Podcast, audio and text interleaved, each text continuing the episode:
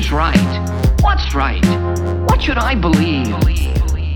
I've listened to everybody on TV and radio, but I'm still confused.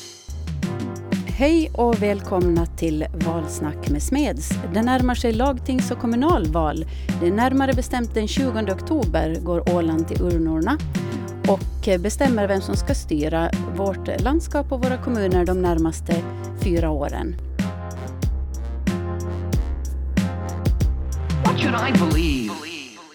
Idag pratar vi val med statistiker Kent Häggblom från Ålands statistik och utredningsbyrå Åsub och professor emeritus, det vill säga pensionerade professorn i statskunskap Göran Djupsund.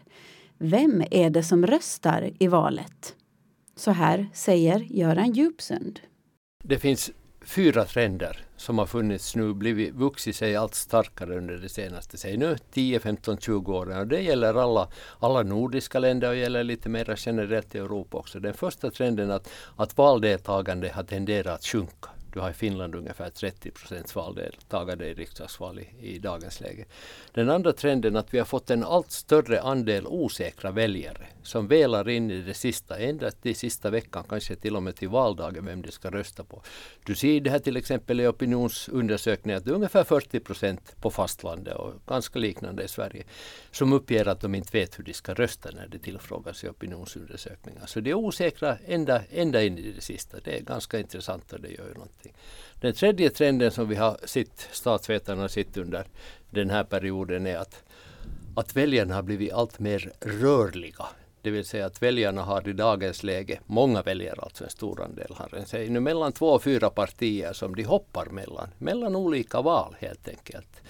Och båda de här trenderna gäller kanske ännu mera unga väljare än gamla väljare. Både osäkerheten och den här rörligheten. Unga väljare är osäkra och rörliga riktigt ordentligt.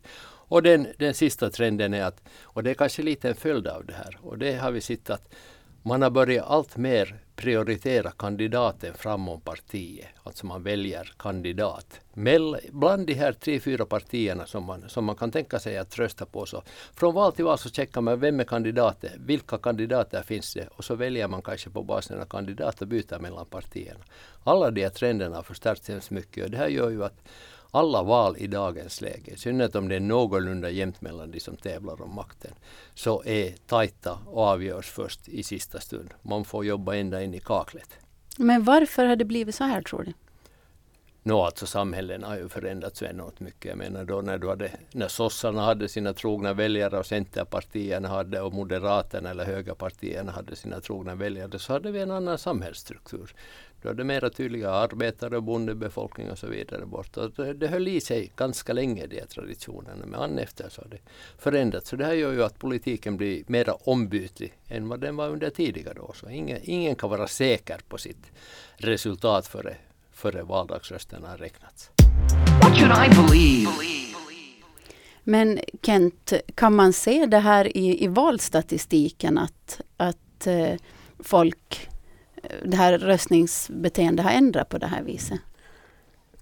Ja, vi ser om vi ser, tänker på valdeltagande så här så är ju avviker Åland lite från den här trenden med sjunkande valdeltagande eftersom vi har haft en stigande trend i, i valdeltagande i lagtingsval, i viss mån i kommunalval, men där har det varit lite mera mm, sjunkit lite igen sen på grund av att eh, väljarkåren har utvidgats är så många utan hembygdsrätt som har rösträtt i kommunalval som har ett ganska lågt valdeltagande. Men att i lagtingsval hade vi faktiskt rekordhögt deltagande senast. Visserligen då bara 70 procent men i alla fall.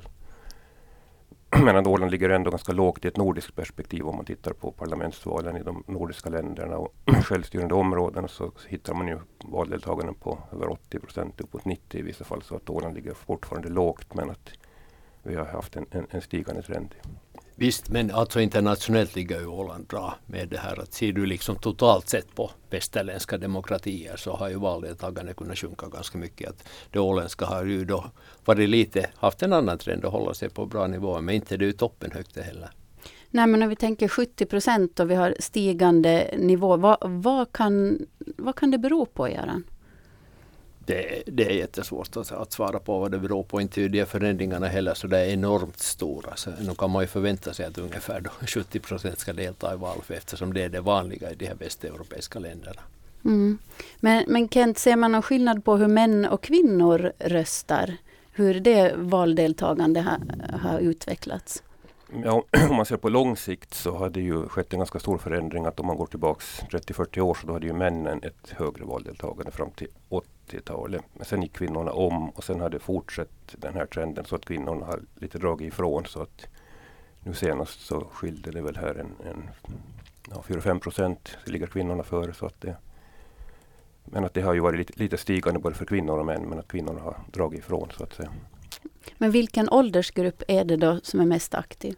Och de som röstar flitigast så är ju 40 till 80-åringar om vi säger så. Där. Vi har gjort fem val i rad, en total undersökning av valdeltagande så att vi kan ju se per ålder och kön och hur, i hur hög grad man röstar. Så att de yngsta har en lågt deltagande och sen faktiskt så att andra gångsväljarna har lite lägre valdeltagande än första gångsväljarna. Men sen efter det börjar det gå uppåt sen från 40 till 80 års ålder ungefär så är det högt. Sen de äldsta igen så röstar i mindre utsträckning. Men att det har nog stigit i flera åldersgrupper, framförallt bland de äldre väljarna så har, det, har man se en, en, ett stigande valdeltagande. Antagligen också för att mm. folk blir äldre, om det de duktiga väljarna åldras. Kan man se något sånt? Jag säger som så att det här, de här trenderna som Kent nämner, så de är ju generella. Och att de här just yngsta segmenten, det är ju de som hade klart i Finland senast. I de senaste valen så har man sett att just det här upp till 25, 27 så där ligger valdeltagande bussigt mycket lägre än i de här eh, lite äldre, hos de lite äldre väljarna. Men vad, beror det på ointresse, oengagemang? Varför ja, det, alltså, det har gjorts olika studier med, med unga, unga, unga, kring ungas deltagande och det, alltså, de klagar förstås på okunskap, inte så mycket på ointresse utan de vet inte riktigt och då tycker de att de ska delta. Det är ganska vanligt svar, har varit ganska vanligt svar i de här ungdomsundersökningarna. Man tar inte direkt avstånd från politiken utan man bara man känner att den är ganska avlägsen. Det har varit samma sak med kandidatnomineringarna nu också, att det varit svårt att få ungdomar för att de känner att de inte är tillräckligt insatta. Men om man ser regionalt på det här röstandet, ser man någon skillnad mellan landsbygd, skärgård och stad? Hur man röstar, Kent? Ja, skärgården har ju traditionellt haft det högsta valdeltagande och kanske det har varit lägst i Mariehamn. Det varierar lite mellan val, men att, och det, så är det väl fortfarande. Men att skillnaden har lite jämnats ut. Att det, det har landsbygden och staden har lite knappat in på skärgården och skärgården kanske är lite, lite svagare i valdeltagande så att det är mindre skillnader men att man ser fortfarande de här regionala skillnaderna. Göran, kan det finnas någon förklaring till varför man i skärgården har varit eh, ivrigare på att rösta? Det är svårt att säga men det kan ju hända att, att man känner att, att de beslut som tas av beslutsfattande församlingen, i det här fallet lagtinget, kan mera direkt beröra ens livsomständigheter och förutsättningar att leva. Att det, man känner att politiken liksom har större betydelse för en än vad en, kanske en stadsbo känner. Och sen kan man väl tänka att eh, skärgården liksom är lite mindre enhetlig. Att är det nu röstning i biblioteket i en liten by så kanske alla går dit. Ja, och sen måste det koppla till något som Kent sa här tidigare med vem, vem som är mer aktiv. Alltså vi har ju en korrigera mig Kent om jag har fel, men vad jag har tittat någon på de här befolkningsstrukturen och åldersstrukturen så har vi en lite äldre befolkning i vissa skärgårdskommuner. Så det synkar ju med att äldre röstar aktivare. Har du mera äldre i skärgården, ja då, men då blir ju hela liksom kommunens valdeltagande högre. Man kan säga att det är också på grund av att du har flera äldre där och inte bara det här att frågorna berör. Mm. Eller den kan vara en kombination av båda. What should I believe? Hur, hur kan man se på de här eh, rösternas flykt mellan partierna. Att det sägs ju ibland här att, hoppar, att väljarna hoppar från val till val mellan Liberalerna och Socialdemokraterna. Kan man se några no sådana trender? Göran, kanske närmast. Då. Visst, alltså Kent har också koll på det. Visst finns det sånt som tyder på att väljare, jag menar som jag sa inledningsvis, väljare rör på sig. Du har kanske två, tre partier som du kan tycka att potentiellt är dina partier så att säga. Sen beroende på vilka frågor som kommer upp, partiernas åsikter, men också kandidatpaletten så att säga som partierna kommer med så har stor betydelse. Vi vet också att folk, folk rör sig mellan, om vi tar exempel mellan riksdagsval och kommunalval så kan folk bete sig olika. De röstar på olika partier i kommunalval och riksdagsval och det här kan ha att göra med också att du känner bättre kandidaterna i ett kommunalval och därför blir kandidaterna viktigare i ett kommunalval. Så samma kan gälla här lite. att kandidatuppställningen har också ganska stor betydelse. Kan man se det i statistiken, Kent, hur, de här, hur det fluktuerar? Ja, vi ser ju, statistiken visar ju förstås inte hur, vilka väljare som rör sig mellan partierna, vilka som kommer från att vara soffliggare till att rösta på ett parti och tvärtom. Men att vi ser ju förstås hur partierna förändras och just där som, som Liberalerna och Socialdemokraterna så är det ganska tydligt de senaste fem valen så har det ju varit så att när det ena av de partierna har gått upp har det andra gått ner och tvärtom. Så det beror lite på vem som är i opposition och i, i regeringsställning. Eller man kan se alltså, i alla fall ett sådant samband. Det som Kent säger i den slutliga statistiken så får du inte svar på den där frågan vem som har rört sig. Men jag har haft ganska bra inblick och fått, fått möjlighet att checka lite det här Ålands gallup som Mats Adamsak gör för nyan. Och där finns ju sådana här frågor vem de har röstat på senast och det rör sig. Där är det ju alldeles tydligt när vi ser på den datamängden att det finns en, en rörlighet. Det rör sig åt ganska många olika håll. Nu har det ju sen slutligt inte valt men att i alla fall inför valet så finns det en viss rörlighet mellan ganska många och till och med överraskande partier. Det eh, finns, har ju märkts också att det brukar vara ungefär vartannat val är Centern störst, vartannat val är Liberalerna störst. Är det bara en känsla man har eller har det sett ut så? Jag tittade en gång på en sån sak. Jag ställde, ställde mig frågan att, att, att hur mycket förlorar du på att regera? Alltså vara det ledande regeringspartiet som hade i, vår, i vårt fall då lantrådsposten. Och man kan säga att, ja så tror jag fyra, fem val bakåt, att som regel har det varit jädrans tufft att regera. Du har betalat ett pris för det och då kan det ju priset ha varit just det att du har inte fått tillräckligt mycket röster för att bibehålla positionen som största parti och så de går bakåt. Och Centern har ju ofta varit det största partiet och så att det har kunnat fluktuera ganska mycket. Så att man betalar ganska mycket för att inneha den ledande regeringspositionen eller har det gjort över åren. Det gäller inte alltid men någorlunda generellt. Vad säger statistiken där Kent? Det är statistik jag tittar på. Ja. Jo, no, klart om man ser här lite längre perspektiv bakåt så var ju Centern länge det största partiet i mandat men sen härifrån 99 så blev Centern och Liberalerna lika stora.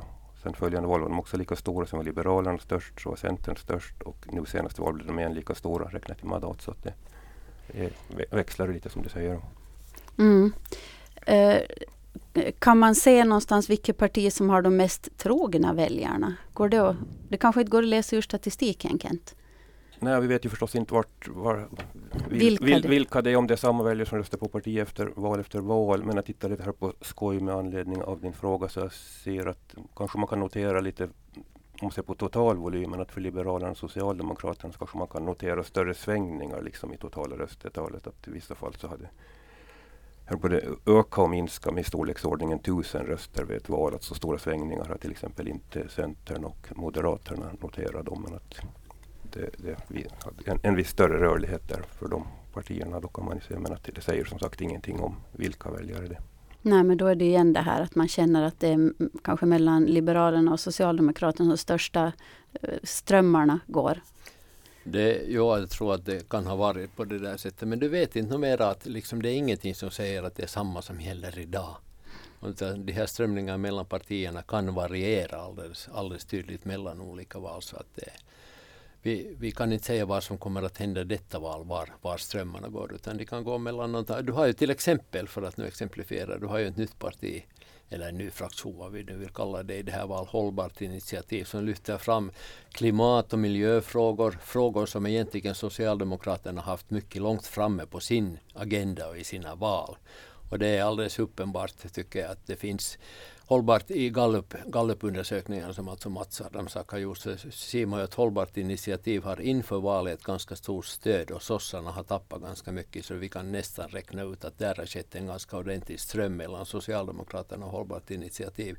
Så det här blandar också om i kortleken att får du ett nytt parti som etablerar sig på ett någorlunda positivt sätt så kan de här väljarströmmarna ta nya riktningar. What should I believe?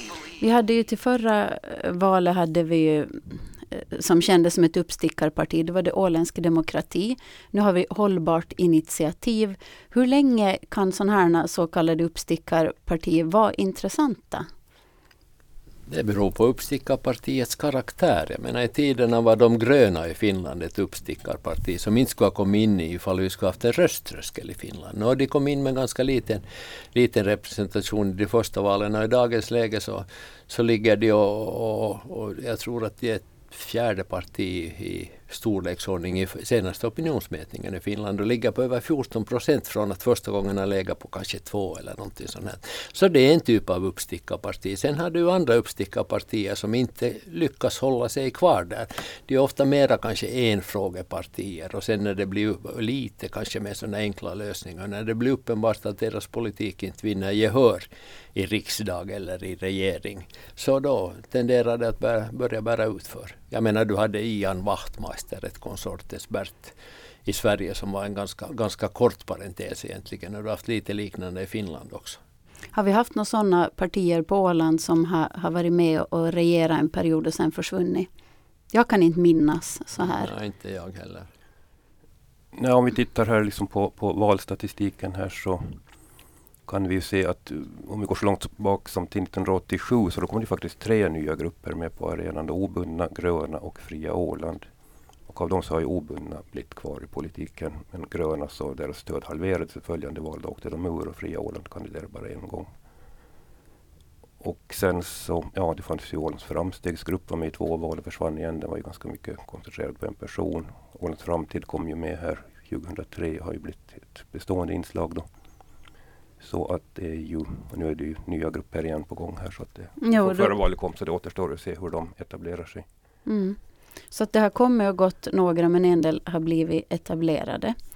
I, I områden runt om oss så, så hör man ibland förvånade röster över hur vår regeringsbild ser ut. Vi har moderater och socialdemokrater som regerar tillsammans med, med kanske Centern.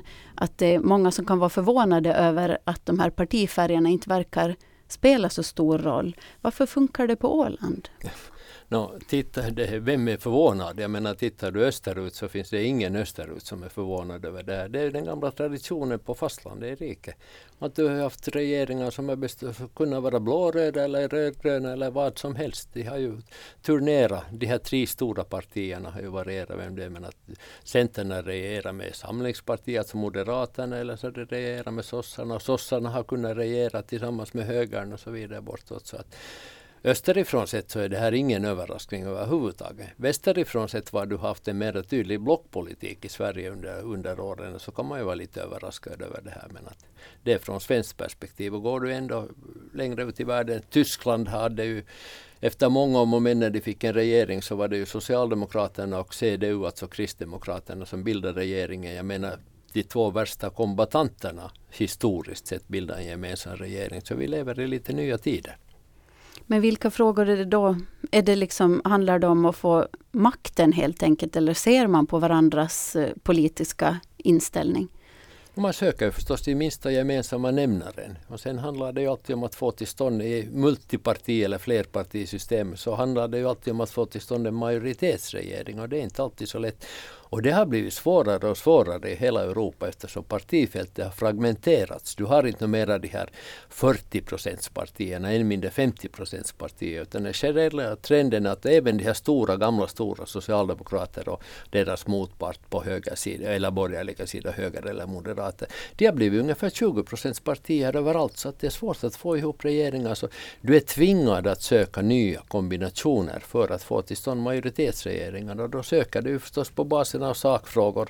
Den minsta gemensamma nämnaren och en gång är det en konstellation som hittar den och nästa gång är det kanske en annan konstellation.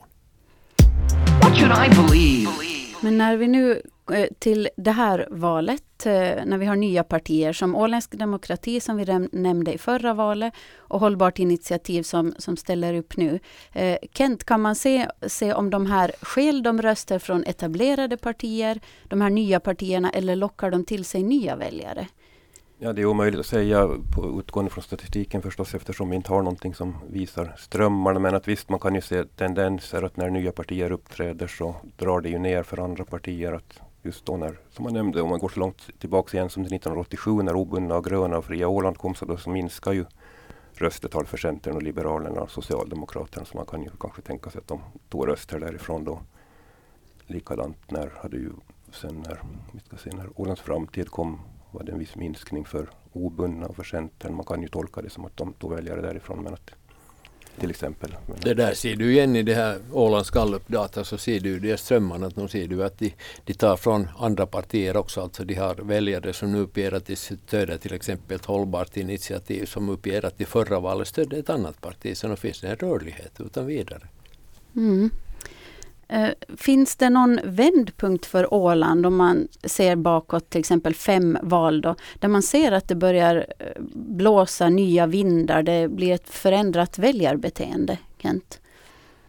Mm, jag vet inte, jag har svårt att peka på någon direkt vändpunkt så här att det är väl olika trender som går på liksom med växande valdeltagande och, och växlingar mellan partier och så här så att det men att det är svårt att säga något speciellt tillfälle när någonting har ändrat liksom något stort kan, förstås. Ja, jag, skulle, jag skulle inte heller peka på någon enskild tidpunkt utan det är nog, jag har också tittat på ganska många val bakåt och jag tycker också att det, det är förändringar men det är åt lite olika håll. Sådana tydliga trendbrott har man svårt att hitta.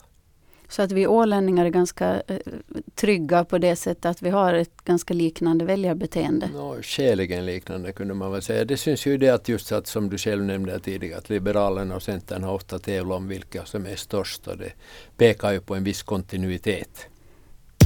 What should I believe? senaste valet så var det 70 procents valdeltagande. Kan man se någon orsak i det att vi hade ett nytt parti som ställde upp i valet? Kan det finnas någon sån förklaring, Kent? Det är svårt att säga. Det är klart, eh, all, alla partier försöker väl väcka intresse i väljarkåren men att det går inte att peka på att om det är just det och det partiet som lockar väljare. Vad säger du Göran? Jag skulle säga att den åländska situationen är lite svår att, svår att förklara. Jag, jag, jag, tror inte att det är nämnvärt men säg som så att ser vi på andra länder, Danmark har jag tittat på någon gång och sen också Norge och så vidare bortåt. Där har ett ökat valdeltagande ofta varit kopplat med framgång för något så kallat populistiskt parti, alltså Fremskrittspartiet i Norge eller Dansk Folkparti, eh, Dansk Folkparti i Danmark. Att när du kommer med ett nytt någorlunda populistiskt parti som kanske lyckas väcka de här väljarna som traditionellt har legat på sofflocket och inte intresserat sig för politik och kanske tyckt att politiken är, är dålig och så vidare bortåt. Så sen när det kommer ett nytt parti så säger jo, jo, allting är dåligt men vi har det här enklare receptet nu, vi ska göra allt bra. Så det kan väcka och mobilisera väljare från sofflocket. Så då stiger kanske valdeltagandet. Så att när jag har varit som mest halvelak och cynisk så jag konstaterar att det finns ingenting som säger att vi ska eftersträva ett jätte, jättehögt valdeltagande. För det kan hända att vi då väcker väljare som egentligen inte är så intresserade av politik utan som också kommer med när de får de enkla lösningarna som är orealistiska. Så att det är bra med ett högt valdeltagande men det behöver inte gå i taket. Nej, för att det var väl det som, som den nya frågan i förra valet var ju flyktingpolitiken. Som egentligen inte, som togs upp även i lagtingsvalet. Eh, fast det inte var en lagtingsfråga. Mm. Och då hade vi ju både äh, Åländsk framtid och Obunden samling som drev de frågorna ganska hårt. Så kan man se någon, att röstningsprocenten gick upp där då, att man hade lockat till sig sådana som, som var engagerade i de här frågorna men som inte tidigare hade hittat någon att rösta på. Mm. Det är klart man kan tänka sig men det, vi har inga bevis för det så vi ska inte gå och tuta ut en sån sanning. Vi var redan inne på det när vi hade högsta deltagande, var den här sista, min sista fråga, det nämnde du redan. Kent? Ja, det i lagtingsvalet så var det ju rekordhögt deltagande nu senast. I kommunalvalet så var det 2003 faktiskt som det var det högsta deltagandet så det har varit lite lägre sedan dess. Och det tror jag har att göra med att som sagt att väljarkåren har utvidgats ganska kraftigt. Det har kommit till nya grupper som in, inte har hembygdsrätt men som har rätt att rösta i kommunalval. Då. Och de har ett ganska lågt valdeltagande. Vi tittar första gången nu här på vid förra valet på koppla valdeltagandet till folks födelseort och då såg vi att de som är födda på Åland röstar ju flitigast. Också de som är födda i Finland och Sverige så röstar flitigt. Men de som är födda utanför Norden så de har ett lågt valdeltagande. Och det är ju en folkgrupp som växer ganska kraftigt på Åland så det har bidragit till att, att, att hålla ner valdeltagande i kommunalvalen. Vad var röstningsprocenten när det var rekord i kommunalvalet 2003? 68. 68. Det har vi, om vi tar en liten knorr på det där, så, och kopplat till en fråga som har diskuterats här. Det finns ju vissa partier och politiker här som har talat för en sänkning av rösträttsåldern. Jag menar, man kan argumentera för och emot det, men en effekt, trolig effekt av en sänkning av rösträttsåldern i och med det att ungdomar röstar mera passivt än äldre och jag tror att den här yngsta generationen skulle i synnerhet rösta ännu lite mera passivt. Det betyder att sänker vi rösträttsåldern så får vi troligen totalt sett ett lägre valdeltagande eftersom du får flera röstberättigade men ett, det yngre segmentet röstar mindre aktivt än de äldre segmenten så då skulle det totala deltagandet sjunka. Jag säger inte att det här är någon allvarlig fråga men att den aspekten kan man ju fundera på i det sammanhanget. Mm, och det förslaget var ju då att, att man skulle sänka eh, åldern i kommunalvalen. Men om vi ser nu på det, på det kommande lagtings och kommunalvalet. Göran, finns det någonting i den påbörjade debatten som gör att det här valet kommer att skilja sig från förra valet till exempel? Kanske lite andra frågor och lite andra vinklingar på det. Men att, inte så det är jätte, jag sa redan för länge sedan att jag tippar att, att valet, alltså diskussionen upp på agendan så kommer att komma förstås kortrutten otvetydigt. Kommunfrågan kommer i en eller annan form, det har Centern också betonat. Klimat och miljöfrågor kommer att, upp, kommer att komma upp med ganska stor styrka. Och sen kan det komma enskilda frågor som enskilda kandidater lanserar. Kandidater vill ju profilera sig och kanske lansera någonting nytt. Så att, men att inte de här frågorna är speciella i förhållande till förra valet heller. Partiernas positioner i det här kan, kan ha förskjutits från förra valet men i stort sett så är det samma, samma viktiga frågor som det handlar om och sen vård och utbildning ytterligare ovanpå det här. Tusen tack ska ni ha Kent Häggblom och Göran Djupsund eh, för de här intressanta tankarna och jag Nina Smeds tackar för mig och så hörs vi igen om två veckor. Who's right? What's right? What should I believe? I've listened to everybody on TV and radio, but I'm still confused.